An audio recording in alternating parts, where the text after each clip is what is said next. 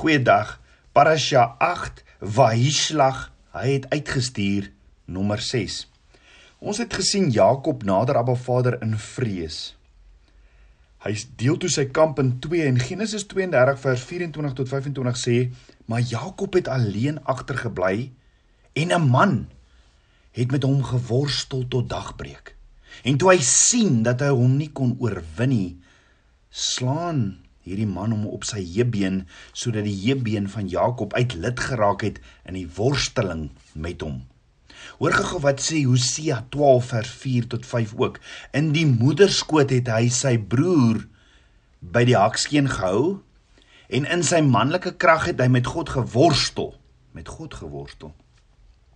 Ja, hy het met die engel geworstel en die oorhand gekry. Hy het geween en hom gesmeek. By Bethel het hy hom gevind en daar het hy met hom gespreek. Nou die Hebreëse woordjie vir geworstel is abak. Dit beteken nie letterlik worstel of stoei soos wat ons in die kinderbybel sien in die sin van ek en jy, hoe ek en jy dink hierdie worstel is nie. Dit beteken om stof op te skop om met Abba Vader te worstel of abak soos wat Jakob gedoen het, beteken om Abba Vader vas te gryp en so aan hom vas te hou asof jou lewe daarvan afhang. Hoor gaga. Terwyl hy jou net so styf vashou. Om te abak behels nie 'n stoei soos wat jy in 'n stoei klap kry nie. Die worstel of abak met Abba Vader is amper meer 'n passievolle dans in die stof. Die doel van abak gaan nie oor oorwinning nie. Dit is eerder 'n bevestiging van Abba Vader se bestaan, Abba Vader se teenwoordigheid en die verbondsverbintenis met hom. Jakob en elkeen wat al met Abba Vader geabak het, weet dat hy in werklikheid dat hy werklikheid is en sal vir ewig onthou die transformerende krag van daardie omhelsing van Abba Vader. Elkeen sal dit onthou. Jy sien die bereidwilligheid om Abba Vader voortdurend by 'n abak of worsteling te betrek, is dit wat 'n ware verbondsvernoot doen of definieer. Om te abak is om voortdurend alles wat Abba Vader aan jou openbaar te begryp, aan te neem en om jou lewe lank daar daar daaraan vas te hou om te abak met Abba Vader het iets te doen met die aanneming van 'n eh, eh, wel het niks te doen met die aanneming van 'n teologie of of die beoefening van 'n godsdiens nie. Nie om te abak is nie passief nie. Maar om met alles in jou Abba Vader se wil te soek. Om te abak is eerder om Abba Vader na te jag en om hard te worstel, vas te kleef sonder sonder los aan sy woord, sy karakter en sy teenwoordigheid. Om met Abba Vader te abak is om jouself in te span om jou aan Abba Vader te verbind en om jou gedurende die loop van die inspanning totaal kwesbaar te maak vir sy wil. Dis nie net deur 'n lewenstyl dis net deur 'n lewenstyl van 'n bak dat 'n mens sonder twyfel kan weet wat die waarheid van Abba Vader se woord is met Ruach Hakodes die Heilige Gees wat jou alles leer en waar jy werklik kan leer om te onderskei tussen wat waar en wat vals is. Onthou in 'n stoei geveg gryp jy mos alles wat jou teestander beskikbaar stel. 'n Arm, 'n kop, 'n been of wat ook al. So is dit met Abak of met die worsteling met Abba Vader. Ons taak is om alles wat hy aan ons beskikbaar stel aan te gryp en vas te kleef. So wat stel Abba Vader van homself aan ons beskikbaar? In die eerste plek het hy sy woord aan ons almal beskikbaar gestel. Nou 'n verbondsvernoot van Abba Vader gryp daarom die woord van Abba Vader aan en hy bak of worstel daarmee. En die vraag is hoekom nie alles aangryp wat Abba Vader vir my en jou van homself aanbied nie? En dit baie baie styf vashou asof ek en jy of asof jy en jou gesin se lewe daarvan afhang nie. So presies wie was dit met wie Jakob geabak of geworstel het? Wie is die een met wie Jakob stof opgeskop het? Wel Genesis 32 vers 26 tot 29 sê, toe sê hy laat my gaan want die dag het gebreek, maar hy Jakob antwoord ek sal u nie laat gaan nie tensy dat u my seën en hy vra hom, "Hoe is jou naam?" en hy antwoord Jakob. Toe sê hy jy sal nie meer Jakob genoem word nie, maar Israel, want jy het geworstel met God en met die mens en het oorwin.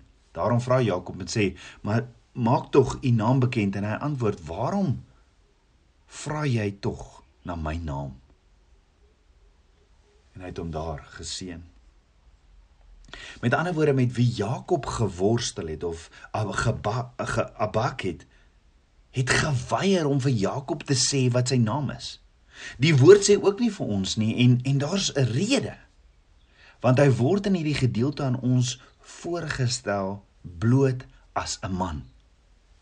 Hoor gou-gou die Hebreëse woord vir vir man. Dit is ish.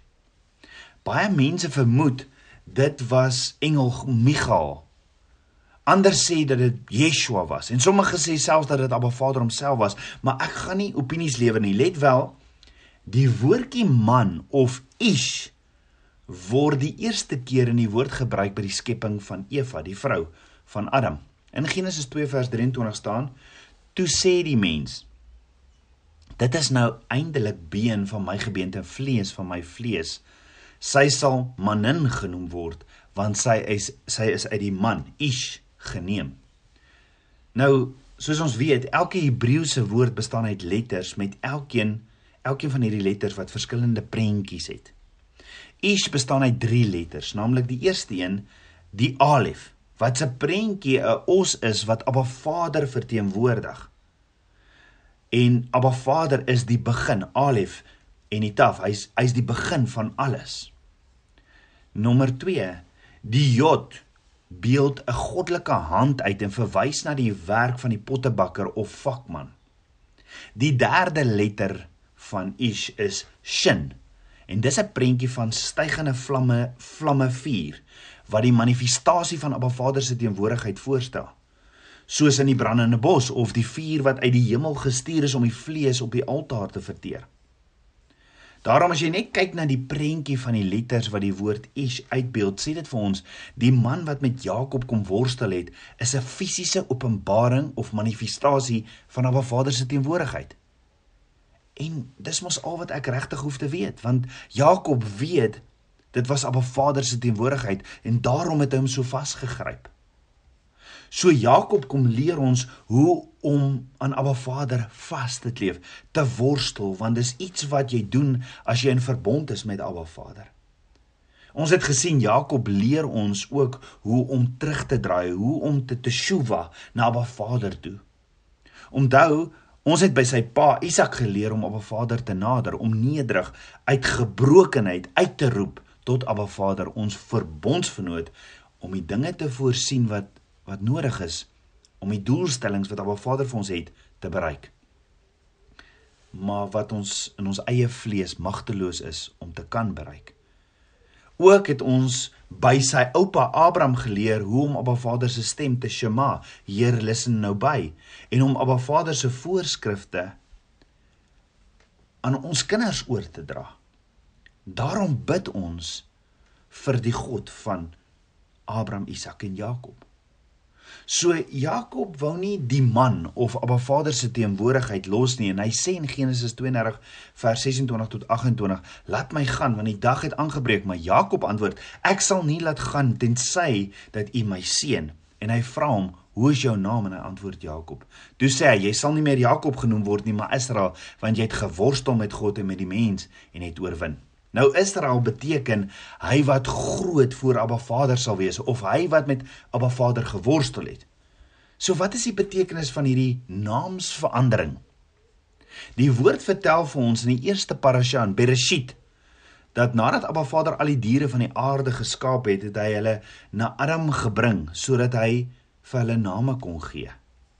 Hulle is een vir een deur Abba Vader na Adam toe gebring en Aram het vir elkeen 'n naam gegee. Wat was die betekenis daarvan dat Aram al die diere name gegee het? Dit het die wese en die aard van die dier beskryf. Vat byvoorbeeld 'n leeu. 'n Leeu word byvoorbeeld in Hebreëus array genoem wat iets omtrent die naam iets omtrent die naam druk die aard, die kenmerke of die essensie van die leeu uit. Name in die woord is gegee om kreatief en profeties die essensie of die kern te bepaal. Die rede is vir lewe en om die lewensroeping van hierdie dier of persoon te bepaal. Hierdie name is deur Abba Vader gekies en hierdie name was dus kreatief en profeties. Dit was goddelike bemagtigings, bepalinge, beskrywings van die bestemming en die doel van die persoon. Dit wil voorkom asof albei name Jakob en Israel bedoel was om 'n spesifieke en 'n gedefinieerde lewensrol in Abba Vader se goddelike plan aan te dui. Jakob se lot was om voortdurend iemand se hakskeen, veral Esau se, vas te gryp. Met ander woorde, Esau sou Jakob lei en Jakob sou hom volg. Esau sou oor Jakob heers en Jakob moes die dienaar van Esau wees. Maar as Israel sou die teenoorgestelde gebeur. As Israel sou hy Esau lei en Esau sou hom volg. As Israel sou hy oor Esau regeer en Esau sou sy dienskneg wees en afhanklik van sy welwillendheid. Dit sou wees vanweë die krag van die naam Israel. Toe die man vir Jakob die naam Israel gee, 'n naam wat afgelei is van die Hebreëse woord sar wat edel en prominent beteken, het hy egter verklaar dat die laaste en die eerste moes word.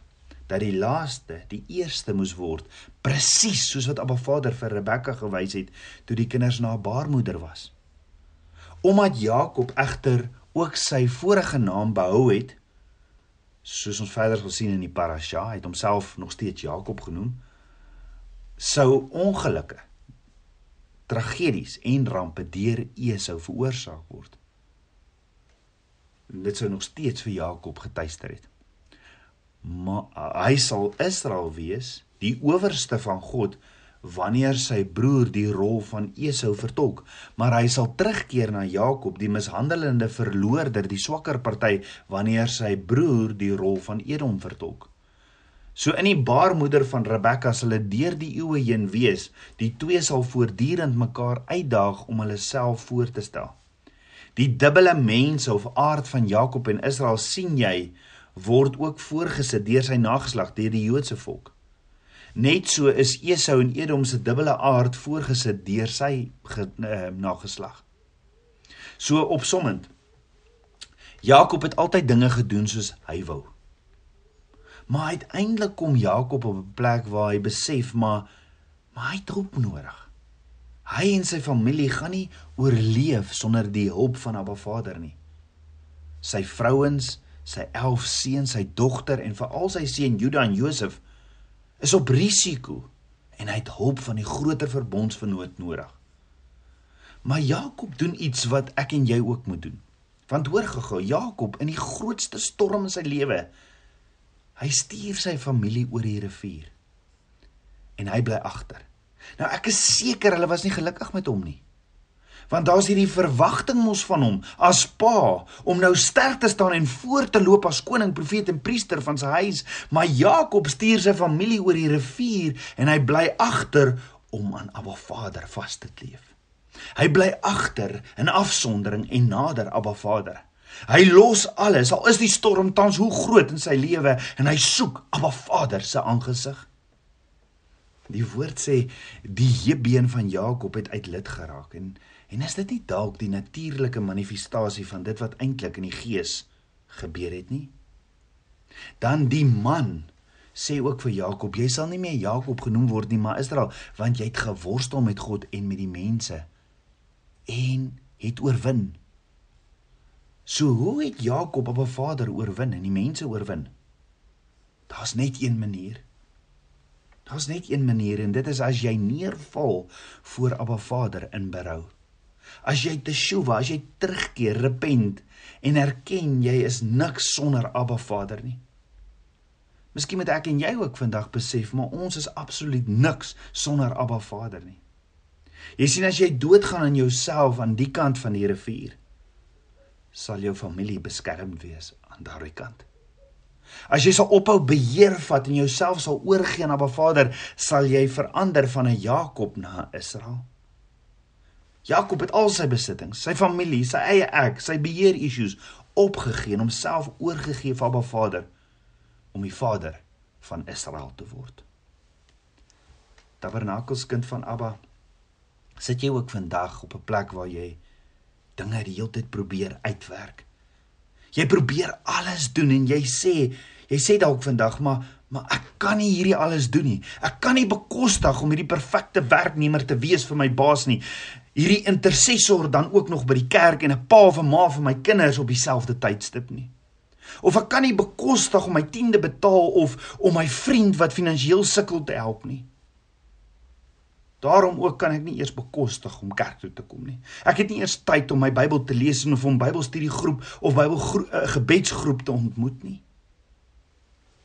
Die vraag is tabernakelskind van Abba. Wat bedoel jy? Jy kan dit nie bekostig of jy het nie tyd nie. As jy dit sê, is dit Jakob in jou wat praat. Stop. Stop om te veg teen dit waartoe Abba Vader jou roep. Nader hom met jou hele hart. Gehoorsaam hom, shema hom in jou gebrek en kyk hoe verander hy jou omstandighede. Dis om Abba Vader vandag te gehoorsaam op 'n plek waar jy nie kan sien hoe dinge gaan verander nie. Hoekom nie alles los wat almal van jou verwag nie? Alles neerlê en om hom alleen te gaan soek nie. Jy sien die hele wêreld en jouself het verwagtinge van jou Maar hoekom nie dit alles vandag neerlê en Abba en Abba Vader te apak nie? Hoekom nie Abba Vader vra om jou te verander na dit wat hy van jou wil hê nie? Hy tog immers Jeremia 1 vers 5 jou gevorm met 'n doel. Hoekom nie nou op sy voete gaan klim en om hom so vas te kleef met jou hele hart nie? Hoekom nie hom toelaat en beheer gee oor alles nie? Jy hoef nie tabernakelskind van Abba, jy hoef nie alles uit te werk. Jy hoef nie dinge te gaan uitwerk oor hoe vandag of môre gaan uitwerk nie. Gehoorsaam en vertrou hom net met alles. Kies vandag om nie verder Jakob te wees nie, maar Israel. Kom ons bid saam. Aba Vader, skepper van my hart, Vader, ek ek ek loof en prys U. Vader, ek wil ek wil alles neerlê. Ek wil U aangesig kom soek want ek het ek het U so so nodig. Vader, ek wil nie meer Jakob wees wat alles wil beheer of iemand wees wat ek nie kan wees sonder U. Vader, ek wil U abak, ek wil U ek wil met U dans. Vader, dankie, dankie dat as ek na U toe hardloop, voor U kom neerval en U kom vasleef, hou U my net so styf vas. Jo, Papa God, ek is Ek is so lief vir U. Bid dit alles in Yeshua, Messie se naam. Seun van Jahweh. Shalom.